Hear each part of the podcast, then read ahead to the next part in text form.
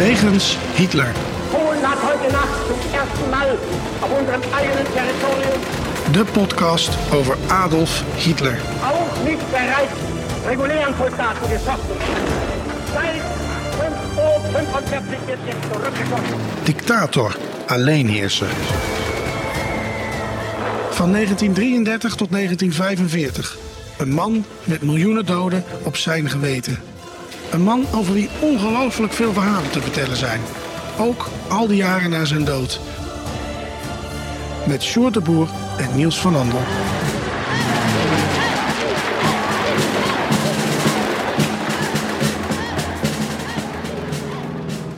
Een nieuwe week, een nieuwe wegens Hitler.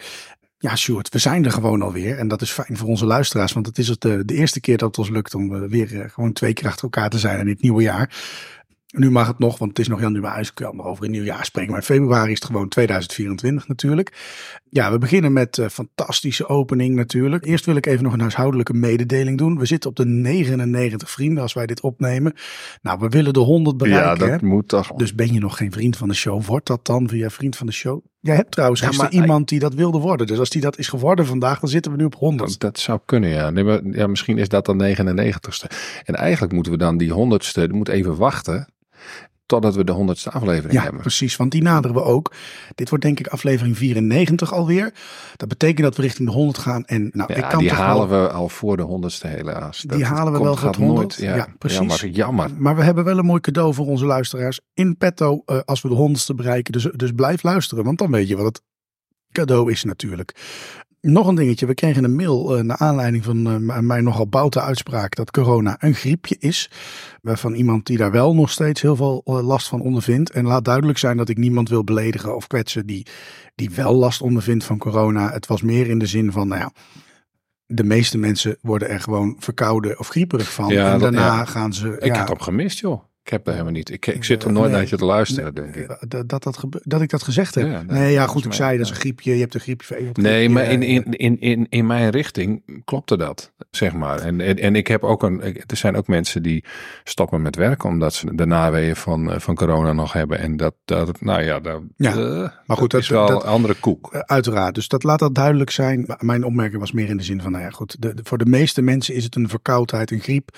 En die kunnen daarna gewoon weer verder met hun leven. Nou, Eh, nou, nou, nou, nou wees zijn. luisteraar René, die Ja. wees ook op twee fouten tijdens de vorige aflevering. De Nou, paus, die zijn. heeft namelijk geen Zweedse garde, met van die blonde schandknapen, maar eh, een Zwitserse garde. En de oorlogskoning heette niet Boudewijn, maar Leopold. En Oh. dan de derde. Ik weet niet wie die fout gemaakt heeft, Nou, Niels, die- die- maar... Ik heb, denk ik, ik heb denk ik die, die, die, die, die Zwitserse garde verkeerd gezegd. Ik zal wel de Zweedse gezegd hebben. Ja, ja, nee, ik Volgens heb mij had ik het erover dat hij, dat hij, dat hij, dat hij, ja, wat moest hij, wat voor leger moest hij sturen? Die Zweedse soldaatjes van hem. Maar goed, ja, Zwitserse garde. neem bedoelde ik zwetende Zwitsers. Ja, denk precies, Ik, hè? ja. nee. Zweden, Zwitsers. Nou, prima, duidelijk. Eh, en die koning waar dat zat, ik kan me niet herinneren dat we het over gehad hebben. Maar eh, als de luisteraar dat heeft gestuurd, prima. Ja. Even kijken. We Ja, hadden ook nog een quote, hè? dat was de quote. En Ja, die luisteraar meer, Rick, ja. die, die haalde de memoires van, van Albert Speer erbij. Die zou namelijk, eh, nou ja, die quote waar ik, ik, daar had ik het over. Van, hey, hoe zit dat nou precies? Adolf Hitler, die had, eh, die had iets gezegd, zogenaamd op 30 januari 1933. En dat had te maken met, met, met eh, vrouwen en hoe, je, hoe die, hoe die zeg maar, nou ja, ten dienste staan van de mannen. Zo Mhm. Ja. moest het volk ook worden. ja, Maar goed, die zou het hebben genoemd, maar dat vond ik al curieus, want die was op 30 januari niet bij Adolf Hitler in de buurt. Dus dat heb ik nog even uitgezocht. Het is, het is onduidelijk wanneer Albert Speer Hitler voor het eerst heeft ontmoet. En die beschrijft zelf dat dat juni 1933 is. Nou lulde Speer er wel vaker in om, hebben we ook al eens een keer een uitzending aan gewijd. Dus dat zou zo- kunnen zijn dat hij dat wel genoemd heeft. Hij beschrijft het zelf, dus die juli 1933, eh, als, als de eerste contact. Dus dan kan dat, nou ja, nooit 30 januari zijn geweest waar hij bij aanwezig is geweest. Wat AI ook, ook aangeeft. Hè. Er was ook geen toespraak op die dag, want die vond niet, eh, niet plaats. Dus de context van die uitspraak, die, die, die klopt nog steeds niet. Nee, nee ja, dat, dat, dat, maakt het lastig. Maar mocht iemand hem toch nog uit kunnen vissen, dan, dan horen wij het natuurlijk graag. Dan hebben we ook nog een, een prijsvraag, hè, Sjoerd. En die is bijzonder, want die is voor Mhm. luisteraar Wilfried K. Hè, dus we- Ja, even dat daar geen twijfel over is. Ja, nee. Drugscrimineel. ja, maar we gaan geen namen Wilfried volledig. K. zich belde. Ja, Ja, nee, maar goed. We noemen Voor- geen hele Nee, namen. Dat is Precies. niet. eh, Maar hij is dus alleen, Wilfried, als je luistert, hij is alleen voor jou en niemand anders. Dus luisteraars, jullie kunnen mailen, bellen, schrijven, eh, de, de, de, de, de, de weermacht voor mijn deur zetten. Het, ge- het gebeurt niet, hij is alleen voor Wilfried. Hij was nog wel trouwens maar bij aflevering 47. Maar hij wil toch graag een mok. En klaarblijkelijk nou, noemen we dat ding veel in die periode. Eh, Dat is bijna ho- de helft geleden. en dat vonden wij eh, toch maar een beetje sneu dan. Want ja, eh, hij moet daar natuurlijk wel iets voor doen als je ja, zo'n mok... jawel. Toen, ja, toen kon je hem wel. winnen. Ja. Ja, ja. Dus, dus we hebben echt wel een, ja, een, een vraag voor hem. En dat is een vraag, die is lastig. Mm. Dus je moet goed opletten, Wilfried. Want als je hem goed hebt, dan win je dus de echte wegens Hitler mok. Nou, hier komt hij de vraag. Wat was de voornaam van Eva Braun? Ja, en alleen als jij Wilfried eh, K. heet, stuur je het antwoord en je adres. En dan die mok, ja, die, die is voor jou. Dat, dat wil zeggen, als het antwoord goed is natuurlijk. Dus Wilfried, wij Moet je maar afwachten. wij wachten met spanning, ja. Nou, de, we hebben het al gehad over de fouten. En dan is er nog een luisteraar, Jan. eh, Die vroeg zich af of Hitler wel een bevel heeft gegeven voor de zogenaamde T4-actie. De moord op zieke en gehandicapte kinderen. Jan vond zelf een bron en daarna zochten Jan en Sjoerd even verder en vonden een foto van de brief met het bevel onder andere, eh, eh, met dat bevel onder andere aan Hitlers zijn eigen dokter, de heer Brandt. Dus nou ja, eh, het Dat is was wel opmerkelijk, want wij hebben het wel gehad over het bevel voor de Holocaust, dat nooit, Mhm. nooit gegeven is, zeg maar. Of in ieder geval niet, niet in die niet, zin. niet, niet schriftelijk te vinden is. En voor deze is er dus gewoon een, een brief. Ja. En de handtekening klopt. Die herken ik inmiddels wel, maar eh, ja, dus dat is wel eh, mooi. Ja, nou ja, niet mooi, maar wel feile, ja, interessant dat je hem hebt ontdekt. Ja, ja, dat, nou ja, dat bedoel Ja, ik. Ja, ja, uiteraard, ja. Dus de, dankzij Jan, die eh, wees erop. Nou, eh, Leuk. super. Nou, zo komen we de cirkel toch weer rond. En eh, ik weet dat we een lijvige uitzending eh, te gaan hebben. Dus we gaan snel naar het eerste onderdeel. En dat is zoals altijd Hitlers dagboek.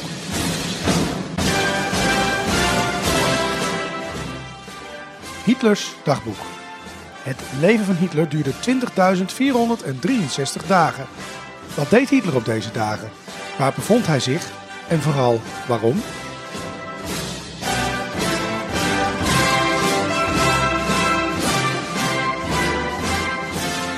Het is 29 januari 2024.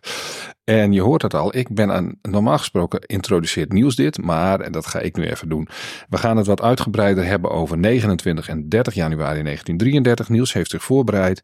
Het begin van het Derde Rijk hebben we het over. En daar, daar gaan we natuurlijk naartoe. Dat is aanstaande maandag, nu we het opnemen. Het is nu vrijdagavond. En nou ja, als jullie het luisteren, dan is het de 29e. Wij beginnen iets eerder. Wat er aan vooraf gaan, ging. De hoofdrolspelers zijn Frans van Papen. Die wordt, moet even genoemd worden. Dat is de oud-rijkskanselier die, die graag weer kanselier wil worden. En dan hebben we Kurt von Schleicher. Die is op dat moment kanselier. En die had Van Papen mooi aan de kant geschoven. Dan hebben we president von Hindenburg. Die altijd op de achtergrond een beslissende rol speelde natuurlijk. En dan hebben we Adolf Hitler. Die best aardig uit de laatste verkiezingen was gekomen. Best aardig is ook de beste benaming daarvan. Veel meer was het ook niet. Maar die ook wil, kanselier wilde worden. En nou vertelt Niels het verhaal van, nou ja, de maand januari. Ja, nou ja, men noemt dat eigenlijk ook wel het geboorteuur als het ware hè, voor het Derde Rijk. De gearrangeerde ontmoeting tussen Frans van Papen en Hitler. Dat was in het huis in Keulen. En dat, dat huis dat bestaat trouwens nog van bankier eh, von Schröder. Die de meeting, vergadering ook regelde. Nou, eh, op 4 januari 1933 ontmoetten daar Van Papen en Hitler elkaar. En eh, die Van Papen die was al kanselier, hè? Dat, dat vertelde Sjoerd net al. Maar die, die was op een zijspoort gezet door die, eh, door die Van Schleicher. Want die, eh, die wilde zelf natuurlijk de baas spelen. En die laatste had dan weer president van Hindenburg zover gekregen dat hij Van Papen ontsloeg. Dus nou, ehm, een bijzondere driehoeksverhouding die hier ontstaat. En, en niet alleen heeft hij trouwens even geregeld dat, dat, dat, die, eh, die andere werd ontslagen. Nee, hij werd ook zelf nog eens tot kanselier benoemd. Nou, fantastisch. Je zult ze voor kunnen stellen. Het is net schaken de politiek. Dus eh, Van Papen was aan de beurt. eh, en hij wilde zijn macht weer terugpakken. En dat wilde hij doen door samen te werken met Hitler. eh, en om Schleicher dus weer aan de kant te duwen. Nou, er werd meteen onderhandeld door eh, Van Papen en Hitler over posities. Van Papen gunde Hitler de taak van minister van Defensie en Buitenlandse Zaken, maar Hitler deed het niet minder, voor minder dan de Rijkskanselier. Dus het was alles of niets. Ja. En hij wilde socialisten, communisten en joden uit leidende functies ontslagen hebben. Nou, die discussie werd niet meteen opgelost. Dat zou je een beetje een discussie kunnen noemen over de grondwet, hè? dat herkennen we. Maar in, in eerste instantie kwamen ze er wel uit dat ze samen uh, Schleicher ten val zouden laten brengen. Nou, een gezamenlijke Ja, vijand, ja, dat verbroedert. Hè? En deze ontmoeting leidde er uiteindelijk toe dat Hitler op 30 januari kanselier werd. Nou, prachtig. Dan is het hem dus gelukt. Op 9 januari wist ook Goebbels van de plannen. En eh, die schreef dat trouwens ook op in zijn dagboek. eh, dat Hitler en Van Papen van plan waren Schleicher van de troon te stoten. Nou, eh, bijzonder in een democratie. Opvallend is trouwens dat er een journalist een foto had gemaakt. toen Van Papen voor het huis in Keulen uit de auto stapte. En zijn krant kwam meteen met de kop, en, en, en met de kop van Hitler en Papen tegen Schleicher. De twee ontkenden dat trouwens en zeiden alleen uit te zijn op een nationaal eenheidsfront. Ja, de pers die geloofde er natuurlijk niks van en Nee. eh, nou, dat, dat bleek ook wel goed te zijn. Nou, op diezelfde 9 januari ging Van Papen zelf nog zoete broodjes bakken bij Schleicher. En of, ze, en of de, die ze van harte doorslikte of niet, dat weten we niet. Er kwam een persbericht waarin stond dat het gesprek het bewijs was dat ze wel door één deur konden. Nou, Probleem opgelost. probleem opgelost zou je zeggen. Maar goed, dat is dus als Van Papen al met Hitler had, heeft onderhandeld op dat moment. Ja, dus dat, dat is andere koeken. ja, hij schudde zijn hand met zijn rechterhand en in zijn linker hield hij een steen voor het geval dat. Nou, op dezelfde dag sprak Van Papen trouwens ook met president van Hindenburg. En nou, ik, ik noem het net een hand, een steen, maar je zou het ook wel gewoon een mes in je rug kunnen noemen. Hè? Ja, En als je dat zo noemt, heb je trouwens ook nog gelijk. Want hij vertelde de president dat hij onderhandelde met Hitler. En Hindenburg gaf hem vervolgens de opdracht daarmee in het geheim door te gaan. Hindenburg besloot dus op dat moment tegen Schleicher te zijn en Van Papen zijn kant te kiezen. Dus ja. die, die, Hindenburg die had ook wel een beetje van wat met switchen. Eh, Van Papen had toen trouwens nog wel even niet verteld dat Hitler de volledige regeringsmacht wilde. Maar goed, Detail, hè? detail. Detail, Een, ja. een, detail. Oui. Nou, de conclusie van Goebbels was toen al dat als Schleicher in slecht weer kwam en de president en dat president Hindenburg een motie van wantrouwen niet van tafel zou vegen, dat als die er zou komen voor het fonkennieuwe kabinet Schleicher-Hindenburg had een, sorry, ik zeg het verkeerd.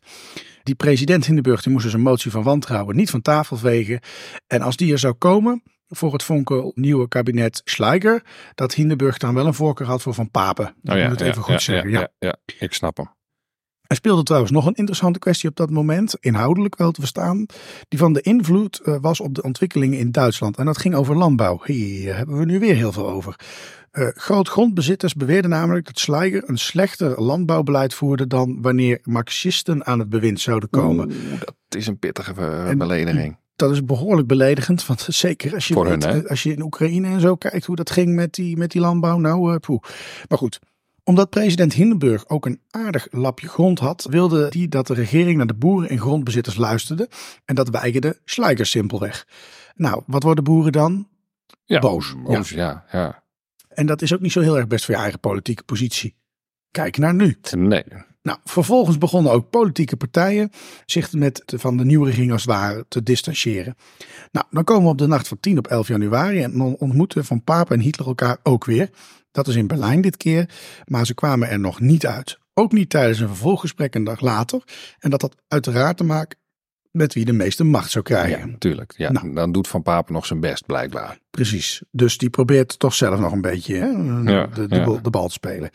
Nou, ja, dat had Van Papen natuurlijk een, een agenda, maar ook Hitler had zijn eigen agenda. Hij wilde namelijk met een uitslag van lokale eh, verkiezingen in Liepen-Detmold laten zien dat hij wel degelijk nog kon, nog kon winnen. Dus, dus ook die, die was bezig met een spelletje spelen. Hè? Ja, ja. Dus drie partijen die een spel spelen. Nou, tijdens de voorbereiding daarvan gingen de nazi's vol op het eh, propagandaorgel. Goebbels sprak er, Göring en nazi-prins August Wilhelm, Wilhelm. En Hitler zelf sprak 16 keer in deze mini-deelstaat met maar 174.000 inwoners. Dus Ook bijna niemand, joh. nee, Maar 16 keer, is was nog bijna niet lui. Hè? Vroeger gesproken. sliep hij, of later slaapt hij de hele dag. Maar nou, hij slaapt vooral op rare tijden geloof ik later. ja, hè? dat, maar eh, goed, ja, dat ehm, klopt. Dat klopt. dan zul je denken, je hebt nu je zwaarste kanon ingezet, dat moet fantastisch zijn. Maar dat viel eigenlijk wel tegen, want Hitler die won maar 9000 stemmen meer dan eerder in november. Hm. En in de pers werd er duidelijk op gewezen dat hij maar 30% van de stemmen had gekregen tegen 61% voor de rest. Ja, dat is niet goed natuurlijk. Een journalist die schreef daarover de aanspraak op volledige macht dat dat nogal misplaatst was. En Ja, dat kun je met zo'n uitslag ook wel zeggen. Hè? Dat is net als zeggen dat als één partij de grootste wordt, dat ze dan de baas worden van het land. Hè? Dat, dat, dat kan niet. Nee. Nou, de partij die viert natuurlijk de eh, uitslag, want ze waren weer in opmars. Nou, ondertussen zat partijgenoot van Hitler, Gregor Strasser, ook niet stil. En die was ook even gezellig bij Hindenburg eh, op de koffie Oh, geweest. zo'n leuke jongen. Ja, het is echt een gezellige boel daar. De vraag was waar, waar, waar, waar die was. In ieder geval. De, de rest van de partij zag in hem hoe dan ook een verrader. Omdat men bang was dat als hij vicepremier in het kabinet Schleicher zou worden. Dat, dat hij dat eigenlijk zou willen worden. Strasser werd direct na de verkiezingen in de kleine deelstaat publiekelijk afgevallen door Hitler. Zoals Hitler dat altijd doet met zijn vrienden als die even niet doen wat hij wil. En hij had wel een beetje gratie, want hij werd in ieder geval niet uit de partij gezet. Maar hij moest wel beloven dat hij zich twee jaar lang afzijdig van de politiek zou houden. Nou, Hmm. dat, dat noemen we een ballingschap. Ja. Later werd het trouwens wel met hem afgerekend, want hij werd in 1934 vermoord. Men was hem in ieder geval tijdens de, mes van de, lange messen, eh, de nacht van de lange messen niet vergeten. Een soort definitieve ballingschap, zeg maar. Ja, ja, dat is ook een manier om het probleem op te lossen. Hè? Ja. Die Hitler die had natuurlijk inmiddels ook eh, gesproken met de Duitse Nationale, een gelijkgestemde partij als de NSDAP, waar hij eerder ruzie mee had gemaakt. Eh, die partij zocht toch maar toenadering en nam ook afstand eh, van de partij van Schleicher en kroop dus dichter tegen de partij van Hitler aan. Ah, kijk. Nou, Hitler die was op alle fronten dus aan het konkelen. En Schleicher die werd steeds meer in de hoek gedreven. En Van Papen deed volop mee. Want hij, wil, wilde, hij wilde dus opnieuw kanselier worden. Nou, dan zijn we inmiddels halverwege januari 1933. Dus eh, ja, het is nog niet eh, Nee, uitgespeeld, hè, nee. het spel. Trouwens, luisteraars, het is inderdaad een behoorlijk lijvig verhaal hoor. Maar eh, hou, hou vol. Ja, maar ik, je, het is wel duidelijk, zeg maar. Ja. Tenminste, dat vind ik dan weer. Het is, want het, Goed verhaal. Ik heb het al twintig keer gelezen, maar zoals jij dit toch even... Nee, nee, nee. Ga door, ga door. Ik zit op het puntje van mijn, van, van mijn tong, van mijn stoel. Ja, precies. Jij begint ook nieuwe spreekwoorden. We zitten leuk. Ja. Op de 20e hield Hitler een toespraak in het Sportbelast in Berlijn. En hij was in een uitstekende vorm. Althans, dat zegt men dan, want ik was er niet bij. Eh, en de propaganda die ging dus gezellig eh, door. Daarover vertelden we ook eh, vorige week in Hitlers dagboek. Op 22 januari was Hitler bijvoorbeeld bij de inwijding van het graf van Horst Wessel. Ja, ja, Ja. we het vorige week al. Die was vermoord. Heb jij daar nou ook een filmpje of was dat een ander graf? Dit was een ander graaf. Dat Neem is, niet ja, kwalijk. nee. Dan ben ik even in de. Ik spreek het in, maar ik luister nooit naar wat ik zelf vertel. Eh, waarna de SA, na dat ge- ge- gebeuren, langs het hoofdkwartier van de, van de vijand marcheerde. En dat waren de communisten. Nou, Ja. dat laat mogen duidelijk zijn als je deze podcast al even luistert. Ja. Nou, in de villa van Van Ribbentrop in Berlijn eh, sprak Hitler die avond ook nog met eh, Van Papen, maar ook met de zoon van president Hindenburg. En wat er besproken is, ja, dat weet men niet. Maar na die avond verliepen de onderhandelingen met Van Papen voor Hitler ineens een stuk soepeler. Ah, Ja, er is iets gebeurd waardoor Van gebeurd, Papen ja. ineens wat vloeibaarder werd. ja. Van Papen gaf daarna Hindenburg zelfs aan dat hij het wel zou zien zitten als vicekanselier onder Hitler te werken. Maar Hindenburg zei op 23 januari nee tegen dat voorstel. Die was nog Nou, strak. Die, eh, ja, ja, precies. Hoe lang nog? Niet heel lang meer, maar goed, we gaan door. Eh, Hitler en Van Papen die bedachten toen een plannetje. eh, en dat plannetje behield namelijk in van Hindenburg proberen over te halen. Nou, dat is op zich wel een manier. Hitler die trok toen de kaart van de nationale eenheid, waarvan Hindenburg onder de indruk zou zijn geweest. Nou, ik ben echt benieuwd hoe dat gegaan is. Maar ja, we kunnen het ze niet meer vragen, dus eh, we, we, eh, we moeten weer door. Wat trouwens ook wel hielp was dat de macht van Schleicher steeds verder afnam en dat het een kwestie van tijd was wanneer hij zou vallen. Eh, Het lukte hem niet om de noodtoestand uit te roepen om te proberen met een gedoogmeerderheid verder te regeren. Daarmee kon hij nieuwe verkiezingen uitstellen. Dat was destijds van Papen ook niet gelukt en daarom vond Van Hindenburg dit voorstel belachelijk, ook omdat Schleicher zelfs op deze manier van Papen juist aan de kant had kunnen Oh ja, hij wilde er een soort cirkeltje van maken. Ja. nou, het is een Dat- beetje dat- gevalletje ja. pot eh, en ketel en ja, hè? ja, ja. Dit is een truc, die kunnen we twee keer uithalen. En dat trapte hij niet in, blijkbaar. Nee, ik neem even een slokje drinken, luisteraars, want ik, mijn keel is gewoon droog van het verder praten. Ben ik niet gewend. Ja, ik kan weer. Nou, dan hebben we ook nog de Sociaaldemocraten en Centrum. Eh, dat waren de katholieken en die hoorden van dit plan. En die waren er trouwens ook scherp op tegen. Ja. Ja, nou, dat, dat, als, als alleen jij voor iets bent en de rest niet, dan krijg je meestal niet je zin. Dus dan is het geen noodtoestandsrecht en uh, toedeloe.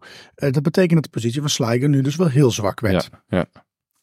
Wat, wat men blijkbaar niet zag op dat moment trouwens, was dat Hitler eigenlijk veel gevaarlijker was. Want we weten allemaal wat hij daarna vrij snel regelde. Ja. Dat hij zat te wachten met zijn idee, het idee van die nationale eenheid. Hè? Nou, op een gegeven moment wordt het 28 januari 1933 en dan doet Schleicher de laatste poging.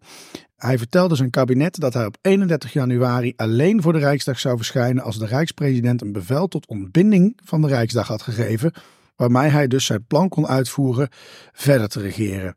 Als hij geen toestemming kreeg, zou hij het kabinet ontbinden. Ja, en net zoals eerder weigerde Hindenburg weer en het was Schleicher niet gelukt een meerderheid te krijgen waarmee hij kon regeren. Dus moest hij maar iets anders gaan verzinnen. Het kabinet Schleicher viel daarom ook op 28 januari. En nadat Schleicher zijn kabinet van het besluit eh, van Hindenburg op de hoogte had gesteld, had de president trouwens ook het vertrouwen in hem opgezegd. Nou, Van Papen kreeg vervolgens de opdracht de onderhandelingen te starten met partijen die wel wilden samenwerken met elkaar, maar ook Hitlers onderhandelingen met andere partijen liepen stroef. Van Papen deed echter zijn best en zou naar Hindenburg gaan om Hitlers kanselierschap met hem te bespreken. En dit is het moment dat Hindenburg eindelijk toestemt, maar wilde Hitlers bevoegdheden wel een beetje beperken. Dat is hem alleen nooit gelukt. Nee. Op de 29e viel de beslissing. Het kabinet werd samengesteld met Hitler als kanselier. De lijst met ministers werd nog dezelfde avond aan president Hindenburg voorgelegd. En dat is vandaag 91 jaar geleden. De volgende ochtend zou het eerste kabinet Hitler worden beëdigd. De plek. Bijzondere plekken of verhalen die te maken hebben met Hitler. Ja, we, we zijn aangekomen bij de plek. En ik ben blij dat we er zijn, want ik, ik heb gewoon een zere keel van al het praten. Nou, maar je wilde graag gewoon een keer even lekker Ja. het podium voor Ja, jezelf precies. hebben, toch? Ja, was heerlijk. Ja, Ja. Ik, ik, overweeg ook wel eens, jij bent zoveel aan het woord, dat ik het, het, het Nazi-journaal wil veranderen in het Sjoerdnaal. Weet je wel, Oh ja, Sjoerdnaal. dat is wel mooi. Want ja, dan, dan heb je gewoon alles wat draait om jou dan. De Hmm. Sjoerdkast. Dat, Ja. ik, zie Ja, mogelijkheden. ja, ja, maar dan, dan denk ik van, kunnen we niet een soort als het briefje van Marcel, dat, dat het gewoon een momentje voor Niels is. Dat Ja. jij gewoon even je Ja. hele, je, je licht op een zaak werpt. Vo- volledig Tegen het vrij. ridicule aan. Ja, dat zou ook kunnen, ja. Ja, maar ja, dat, ja, ja, dat moet wel kunnen natuurlijk in, Ja, met dit precies. onderwerp. We Dat moeten is ook weer een beetje denken aan onze baan. Nou, weet je wat? We laten het maar zoals het is. Dan gaan we ook maar weer terug naar het oude format. Dat is namelijk de, de plek. En eh, de plek gaat dit keer over Oudur sur Glaan. Sur Glaan, als ik het goed zeg. Ouradour sur Glaan. Ik denk dat dat in de het- buurt is. Dan zeg ik Ja, het redelijk ja. goed. Mijn Frans is ook al niet zo geweldig. Ik, dan heb ik ook al verhalen wat ligt in Frankrijk. De Bon is trouwens een interessant eh, boek, Het Geheim van Frankrijk, van Van Eberhard. Ja, Over het monument in Frankrijk, of monumenten eigenlijk in Frankrijk. En de vraag waarom er zoveel zijn gewijd aan WO1 en zo weinig aan WO2. Ja. Dus zoveel in de Eerste Wereldoorlog en weinig in de Tweede Wereldoorlog. Nou ja, verschillende luisteraars zullen dus wel eh, geweest zijn. Een eh, bekende plek dus. Nou, dan kom ik eigenlijk bij de eerste vraag. Wat is er gebeurd? Ja, je kijkt aan het eind van de oorlog, en, en dat weten waarschijnlijk verschillende luisteraars al lang, komt er een, een, een, een het, is, nog niet helemaal afgelopen, een SS-eenheid die rijdt het dorp binnen, dat Oeradour Soudlan, en, en dat is een man of 150 om precies te zijn. Het is het eerste bataljon van het Führerregiment van de tweede panzerdivisie Das Reich. Het is 10 juni 1944. Ze gaan naar de burgemeester en dan vertellen ze hem dat de dorpelingen zich moeten verzamelen op het marktplein voor een identiteitscontrole. Het is een agressieve groep SS'ers. En de hele dag daarvoor, of, of de, de dag daarvoor hadden ze in Tulle, dat is een plaatsje, nou ja, ergens in de buurt, het op rijafstand in ieder geval, hebben ze al 99 mensen aan lantaarnpalen opgehangen. Oh, gezellig. Ja, het is een, het is een gevaarlijke club rotzakken. En ja, dat zou een represaille zijn geweest voor het doden van Duitse soldaten. Het saboteren van spoorwegen door het verzet. Ja, dat werd door deze groep trouwens gewoon erkend en rondverteld door de SS. Nou, dat werd in het dorp Oeradour trouwens anders toen ze op het plein stonden.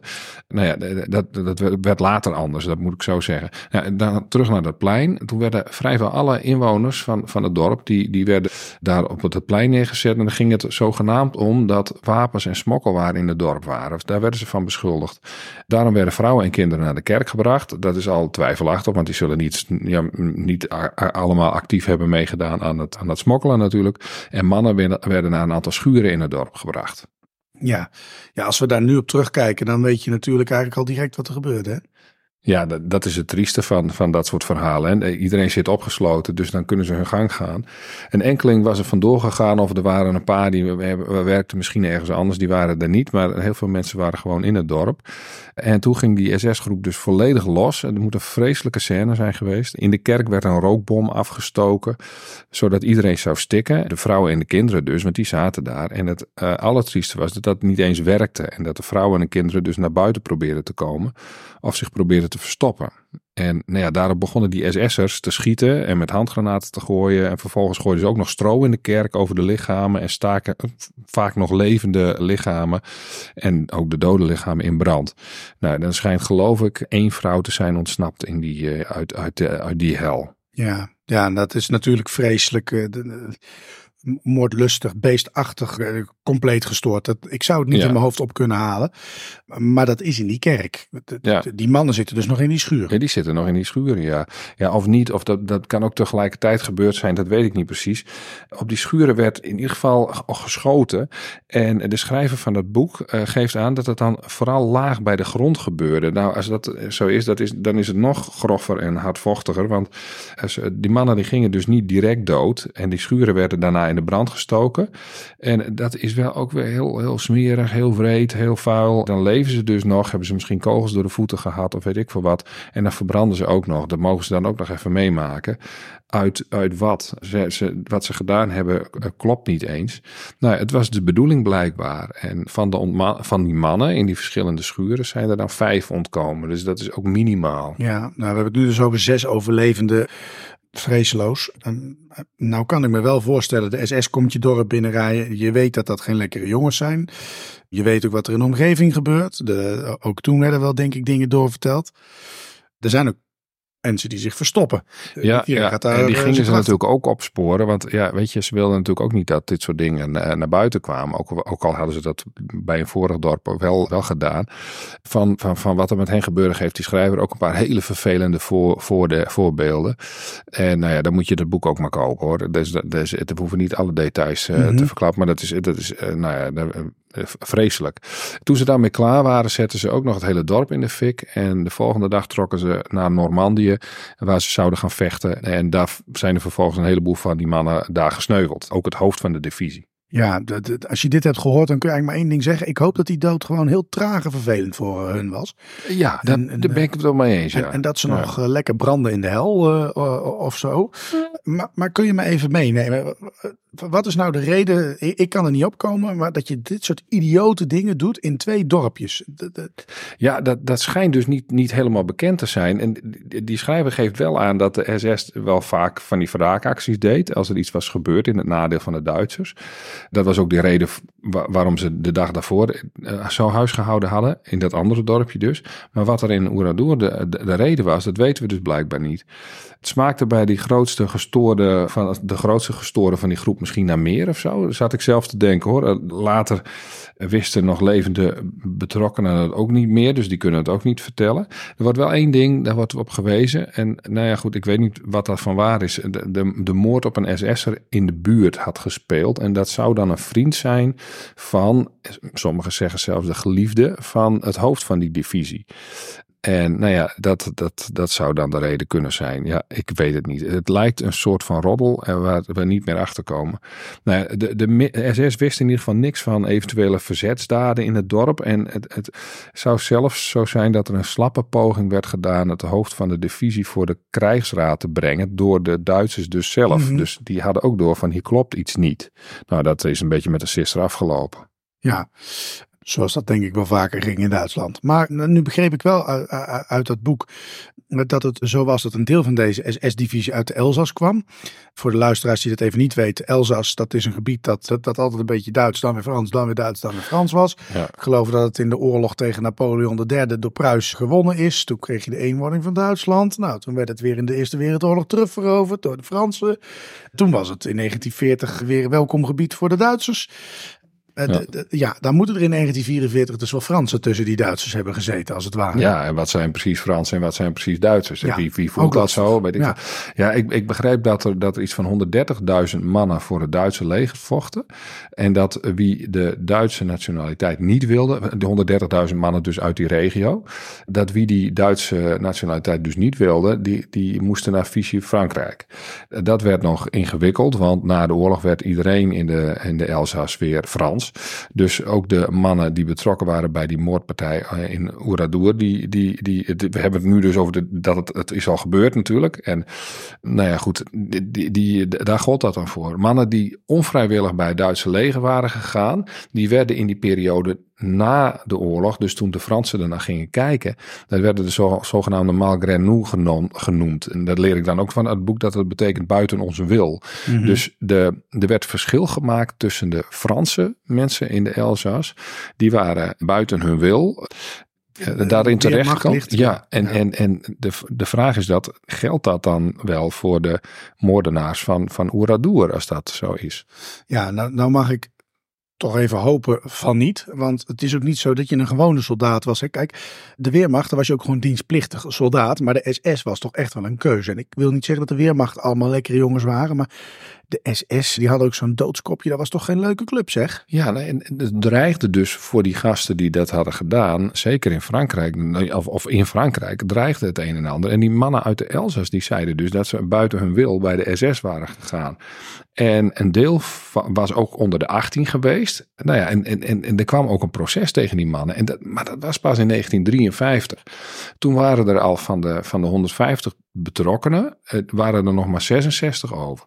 Ja. Die waren natuurlijk mensen gesneuveld. De rest had al eh, zijn verdiende straf gehad. Ja, er zaten er 45 in Duitsland. Nou, die kwamen echt niet voor de rechter in Frankrijk. Dat waren niet van plan om de grens over te gaan. 21 wel. Eh, zeven daarvan waren Duits. Eén Elsasser was, was in geen geval buiten onze wil, zeg maar. Die, die, dat- dat, dat, klopte niet. Met alle dertien anderen, die claimden dat wel. Die zeiden van, ja, wij, wij horen daar wel bij. Nou, de schrijver van het boek, nou ja, die, die, die, die heeft nog gezocht naar bewijs... of die mannen tegen hun wil bij de SS waren gegaan. Maar dat vond hij dus niet. Nee, Nee, dat zal er ook niet zijn, want het is natuurlijk half vrijwillig als je bij de SS gaat. ja.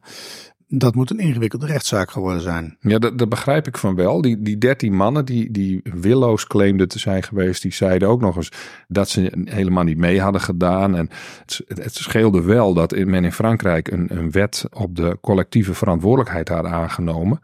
En dat betekende dus dat als je in zo'n groep zat die daaraan had, had meegedaan, dat je ja, ook meteen schuldig werd bevonden.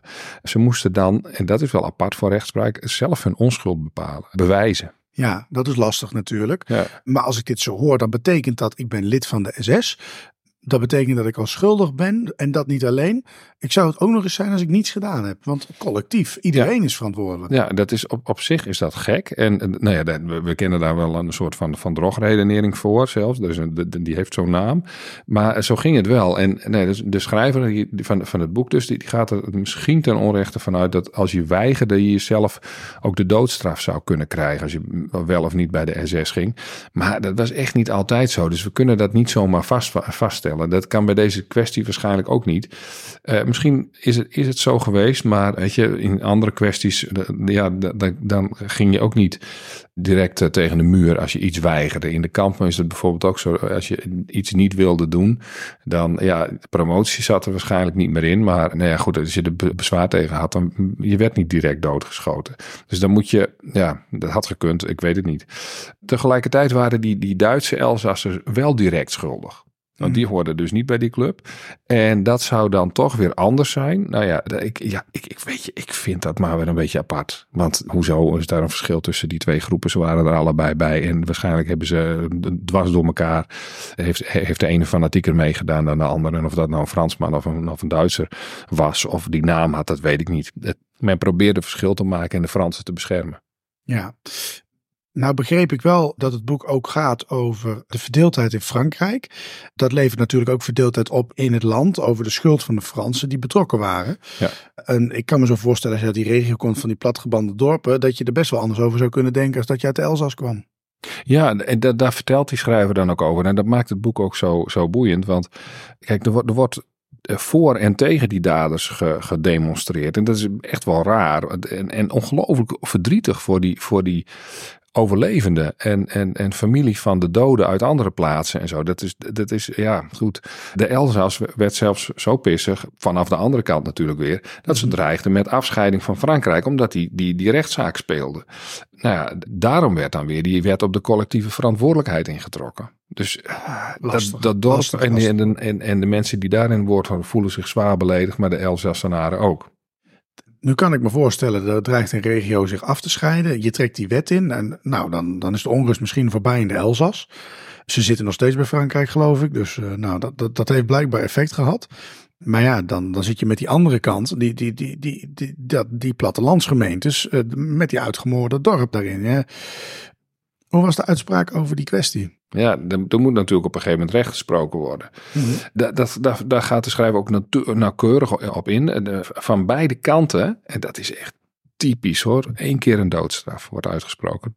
Nou, dat, is, Mhm. dat, dat vind ik. En, en dan qua straf, en dat valt me, viel me dan nog mee. Er is verschil tussen, maar ze liggen, er liggen nog redelijk dicht bij elkaar.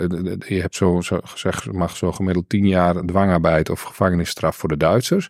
Versus iets van acht jaar voor de Fransen. En ja, die 45 Duitsers in Duitsland, die, die, die, die moesten zich gewoon maar niet in Frankrijk blijven vertonen. Want nou, die kregen wel de doodstraf. Dus die waren niet voor de rechter geweest, maar die kregen sowieso de doodstraf. Dat is, dat is, dat is dan weer een vreemde trouwens. Maar goed, omdat het niet matcht met die tien jaar dwangarbeid van die andere Duitsers. Maar goed, eh, gelukkig bezocht na de oorlog president de Gaulle het dorpje al. En heeft die van het dorp in ieder geval een monument gemaakt. Waarnaast dan het nieuw dorp werd opgebouwd. Nou, dat is in ieder geval iets dat je, nou ja, dat je zegt, we moeten ons dit wel blijven herinneren. Ja, als je erover nadenkt, eigenlijk shoot, dan is het een idioot vonnis. Hè? Want als je als Fransman dus eigenlijk schuldig maakt aan een vreselijke daad van de SS, dan moet je daar wat deel van uitmaken. Hè?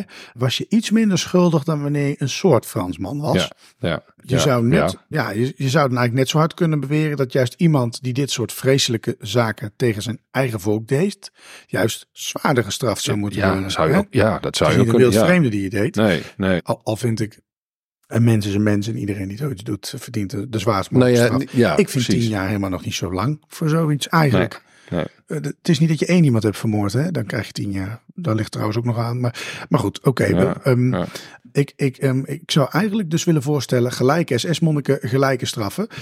Maar goed, ik was er niet bij. Ik ben helaas ook geen advocaat. Ik heb maar drie weken rechten gestudeerd. Dus eh, dat, nou, eh, twee maanden. Ik kan daar eigenlijk verder ook weinig over zeggen. En dan zet ik mezelf eh, vast weer voor, lul, om, eh, als het ware, zal ik maar even zeggen. En voordat ik dat ga doen, stel ik eigenlijk voor dat we snel naar het volgende onderdeel gaan. En dat is zoals altijd het Nazi-journaal.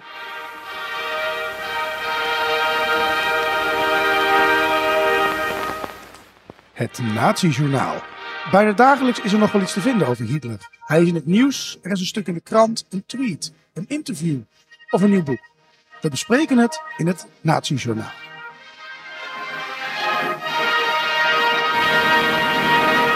Ja, het Nazi-journaal, luisteraars.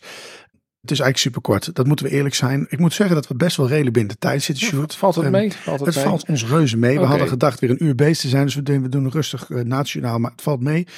We hebben een nieuwe Netflix film. We hebben Ja, het als ja. eerder gehad, hè? Over een film genaamd Wil. Die, die, ik, ik, ja, ik moet nu in mijn actieve herinneringen graven. Dat is niet zo best bij een VVD'er. Ja, maar volgens mij was het iemand van de, die de podcast luistert. Ja, die, die, ons op die film wees. Die had een, die- volgens mij gefigureerd. Als ik het me goed Oh, herinner. dat was het, ja. Hij, hij noemt zichzelf fan van de podcast. Dat vond ik wel tof. Ja, Ja, ja, dit ja, wordt ja, gewaardeerd, ja, ja. ja. Nee, zeker. Maar goed, een film over eh, de politie van Antwerpen tijdens de Tweede Wereldoorlog. Eh, en het nieuws die kwam dus van een fan. En nou ja, goed, we zijn benieuwd naar reacties over deze film. Hij schijnt Ja, eh, jij- erop te komen of wel op te staan. Ik, ik- Ja, volgens mij rond de Het- het datum hangt- dat, het, ja, dat we al, het hangt er een beetje online om is, dan, eh, Ja. dan, dan zou die erop moeten staan, volgens mij. Ja. Ik ben eigenlijk wel benieuwd, ja. Maar jij, jij, jij het, het zei je wat, je kende het al. Je wist al dat hij kwam of zo. nee, het- hij heeft ons verteld dat die film in de bioscoop draaide. Volgens mij is dit die film dat er ineens een enorm hakenkraas, kra- hakenkraas, hakenkruis hing in het station van Antwerpen. Oh. Toen daar gefilmd werd. Daar hebben we wel eens over verteld. Oh, en volgens ja, ja, mij dat- is dat ja. deze film. En dat die Oh. luisteraar daar toen over bericht heeft. En dat hij nu meldde, hey, die film komt op Netflix. Oh, dat Nou, was het. Dus om onze fan de lol te doen, jongens, kijk die film. Ik ben wel benieuwd. En als ik dan dat hakenkruis zie hangen, weet ik dat ik gelijk had. Sjoerd, er was ook iets met een nieuw boek. Ja, Bouwen zonder scrupules. Dat is van Geert-Jan Mellink. En dat is op 24 januari verschenen. Dat is er dus al. En dat viel mij op. Het gaat over hoe de Nederlandse bouwwereld. En ja, goed, ik moest meteen wel aan jou denken. Tijdens de Tweede Wereldoorlog volop doorbouwde. Ik ben ook benieuwd naar de nuances en de foute beslissingen die hierin werden gemaakt. Dus, dus ik, ik, ik, ik zeg ja, eh, ja, of jij moet hem gewoon kopen en hem Ja. zeg maar bij jou op het kantoor even neerleggen. Van, Ja, ik, ik, ik, ik zo'n foute grap maken, maar ik hou me een keer in. ja, Want ik weet zeker dat het me niet in dank af gaat worden genomen.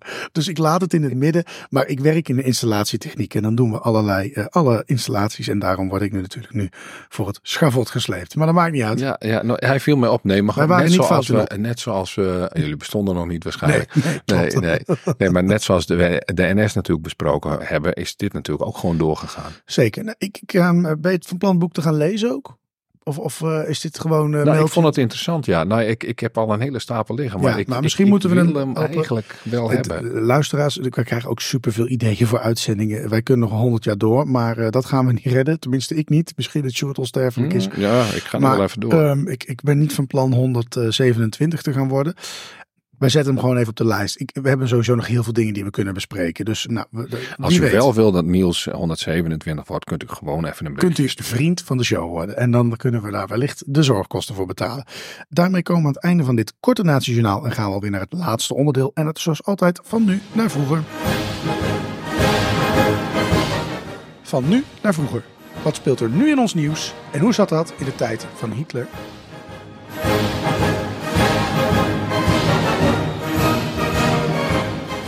Ja, eh, in het nieuws was dat in anderhalve dag meer dan 20.000 aanvragen waren voor het noodfonds energie. Nou, we weten allemaal dat er een energiecrisis is. Maar de grootste energiecrisis was die namelijk van Duitsland tijdens de Tweede Wereldoorlog. Want die hadden een hele hoop niet en vooral geen olie.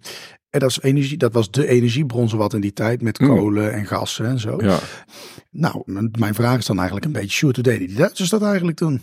Nou ja, in eerste instantie vooral voor zichzelf zelf zorgen. Dus als er ergens tekort was, dan, dan, dan, dan zorgde hij ervoor dat het in Duitsland goed was. En wat er in Nederland verder gebeurde, of in andere bezette landen, dat was van min- minder relevant voor ze. En daar hebben we natuurlijk in Nederland ook wel last van gehad. Dat je vooral die oorlogswinter was, was last, eh, lastig. En, en men had natuurlijk heel sociaal, hadden ze dat winterhielfswerk. Dat, Oh, eh, dat was vriendelijk. onder Geuring. Hè, dat was, die regels van zaakjes altijd zo goed, ook voor de luchtmacht. Die bleef ook zo, zo, zo prachtig functioneren Mhm. al die tijd. Het deed het al in Duinkerken fantastisch. Hoort u mijn cynisme? Maar dat geld dat daarmee opgehaald werd, dat is in het begin was dat wel voor goede doelen. En als het dan, eh, als het dan honger was, dan werd daar wel wat mee gedaan. Maar dat ging ook rustig naar de oorlogsindustrie. Dus ja, daar heb je ook weer energie voor nodig natuurlijk. Maar in, in 1942, dan is de oorlog nog maar twee jaar dan, dan, eh, bezig. Dan dreigt er al honger in Polen en in Parijs. En het trieste daarvan is wel weer dat, dat de eerste slachtoffers zijn natuurlijk de minst belangrijke mensen die er zijn. En dat zijn natuurlijk de Joden. Dus die zijn als eerste het slachtoffer. En dat, als, als ze al de grens over gewerkt zijn, dan hebben, hebben die het minste te eten. Maar dus ook, ja, Nederlanders hadden ook een hongerwinter. En daar heb je dan, in, ik meen in Mhm. de 44 in ieder geval. Mhm. En, en, en, en, en, uiteindelijk hebben ze het nog redelijk overleefd eh, in Duitsland qua eten. En eh, energie en weet ik veel wat allemaal. Ja, dus eh, tot het bittere eind. Het moet wel even bijgezegd worden. Ik ga het even opnemen voor de Duitsers. Het schijnt wel, er is wel uitgebreid onderzoek naar gedaan, dat dat de bon en zo, dat werd enorm gehaat. Ja. Maar het schijnt wel het meest eerlijke systeem geweest te zijn om de schaarste die er was te verdelen. Dus Ja. dat door die Duitse ingreep wel gezorgd is dat niet iedereen verhongerde. Ja, En ja die, ik oorlogs, ja. die, die, die hongerswinter, dat is ook wel interessant. eh, Daar hebben we het wel vaker over gehad. Dat onze eigen Nederlandse overheid daar toch ook wel een handje in had gehad. Want die had de spoorwegen opgeroepen eh, om vooral te gaan staken. Eh, waardoor het eten dat er prima was in Friesland eh, niet terecht kwam in, in Noord-Holland. Waar de Nee, hongerswinter ja, uiteindelijk heel ja, groot ja. was. En toen, nou, toen, toen zou... Toen zou het eh, eten per schip weer vervoerd worden. De Duitsers stemden dan in met, nou, eh, als jullie eh, de treinen weer laten rijden, dan zullen wij gewoon weer braaf Mhm. scheepjes door laten gaan. En toen begon te vriezen. Dus dat, en toen vroor, het, toen vroor het zo lang dat het zeg maar gewoon dicht vroor. Ja. En toen kon je En de- en- moeilijk ja. het eten vervoeren. Dus het schijnt ook wel een beetje bij de Nederlandse regering gelegen te hebben. Hmm. Het had minder erg kunnen zijn. Ja, en, en dan heb je nog natuurlijk gewoon ja, energie. Wij, wij, wij halen nu van alles via allerlei buisjes en toestanden halen we de dingen binnen. En toen stookten ze natuurlijk met, met, met, met kolen en met, en met hout. En wat ook wel bekend is. En dan, nou ja goed, we hebben voedsel is natuurlijk schaars dan. Maar ook, eh, daar schijnt het zo te zijn. Het mocht niet dat je s'nachts, als je goed luisterde eh, in het park in Berlijn. eh, Dat, dat gigantisch park ligt er midden in de stad natuurlijk. Mhm. Dat je dan af en toe een bijltje hoorde hakken zo. En dan ging er weer een boom om. En die werd dan opgestookt in de, in de houtkachel. eh. Dus, dus ja, gut, ze hadden wel degelijk een probleem. Ja, dan weer even de link met nu. Wij hadden dan, eh, wij hebben misschien wel een energiecrisis, maar nou ja. Je ziet schrijnende verhalen op tv, maar voor de, gro- een groot deel van Nederland is er gelukkig nog steeds mogelijkheid om het huis in ieder geval op een redelijk comfortabele temperatuur te krijgen. Het hoeft niet natuurlijk Ja. altijd 21 graden binnen te zijn. 18 kan ook. Hè? Ik zeg niet dat dat altijd even lekker is, maar laten we ook eerlijk zijn. Wij leven wel in vergelijking met toen in een tijd van wilde. En daarmee komen we alweer aan het einde van deze uitzending van Hitler. Waarin we het gehad hebben over eh, de misdadigers eh, van de SS. ehm, over ehm, ehm, de machtsopkomst van Adolf Hitler. Natuurlijk eh, in de uitgebreide Hitlers dagboek. En laat ik nog maar een keer eindigen met de gevleugelde uitspraak. Gelijke SS'ers, of gelijke SS-monniken, gelijke kappen.